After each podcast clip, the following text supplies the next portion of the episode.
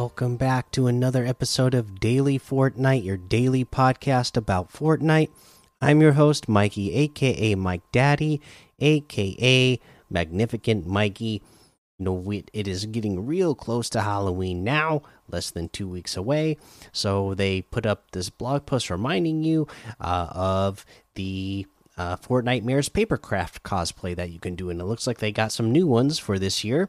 So no costume, no problem. This Halloween, take your game to the next level with these paper masks and mini foldables.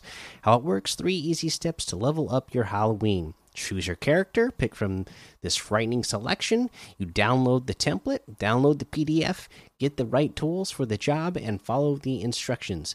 Then build and share. Build and share, spread the holiday fear, and post to your social media with hashtag MyFortnitemares.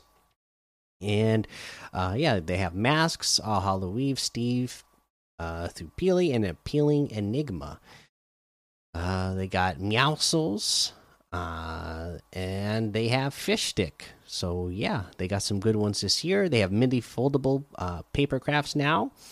Uh, well, they did last year as well, but now they have uh, the uh, let's see here, Shadow Midas still serving vengeance.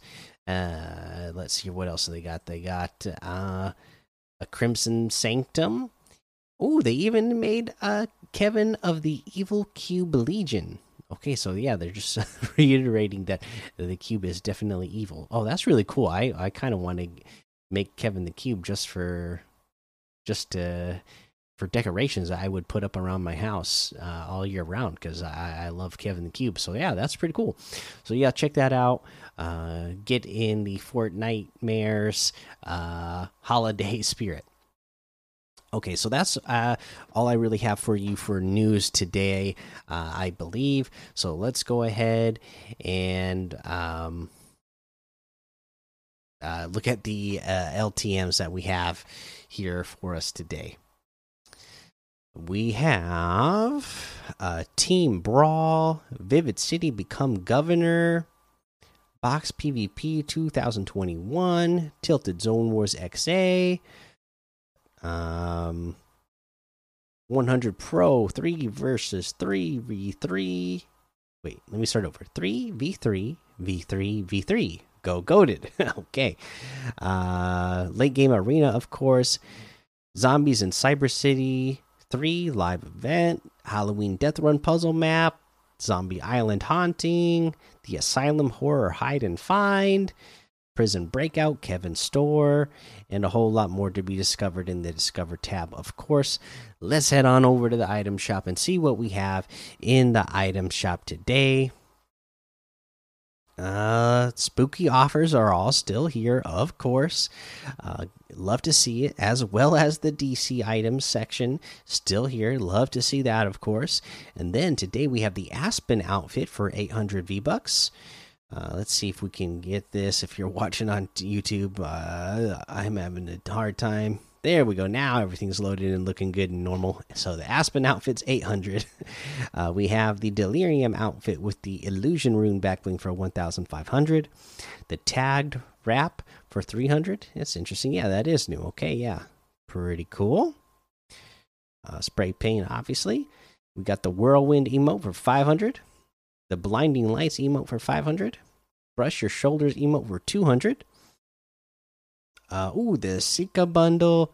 You guys know I like this one. The it's got the Sika outfit, Arena Elite back bling, Arena's Blessing Harvesting Tool, and the Cerberus glider for 2,100, 1,400 off the total. Sika outfit with the Arena Elite back bling is 1,200. Arena's Blessing Harvesting Tool is 800. The Cerberus glider is 1,500. Uh, and then, oh, one of my favorite outfits, the Guff outfit with the Fluffle bag back bling for 1,200. Gotta love that guy. The Guffy Stuffy back bling for 400. The Regal Floof harvesting tool for 800. The Moxie outfit with the Moose backbling for 1,200. The Clobber Axe harvesting tool for 800. The Faded Cool wrap for 300. The Brainstorm outfit with the in intervertebral implant backbling for 1,200 And that looks like everything today. So you can get any and all of these items using code Mikey, M M M I K I E, in the item shop, and some of the proceeds will go to help support the show. Okay, so for our tip of the day, you know what? Uh, just a reminder, uh, really for you know doing your box fights. Okay, um, this this more applies to when you are uh dealing with somebody in actual game situation. You know this is it's not really that useful if you're just playing like you know like a box fight arena mode okay? But if you're in the actual you know solos duos uh core game mode or in arena it is helpful to uh before you just run up right to somebody's box and start trying to break it with the pickaxe or standing right next to it with you shoot and start shooting the walls with your gun what you want to do is you know maybe say at this point you are like four floors away. You're going to start shooting at a couple of the walls before you even get there because the when you weaken a wall you can start to see through it right? And that makes it that much easier to tell what your opponent is going to do instead of just trying to guess. You could see them moving around in their box and where they are uh, in the box in relation to you.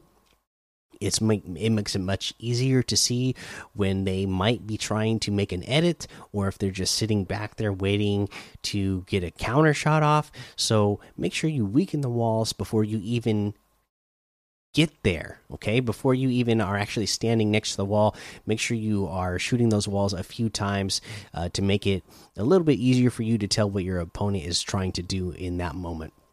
All right that's the episode for today. Make sure you go join the daily fortnite discord and hang out with us. Follow me over on twitch twitter and youtube. Head over to apple podcasts. Leave a five star rating and a written review for a shout out on the show. Make sure you subscribe so you don't miss an episode. And until next time have fun be safe and don't get lost in the storm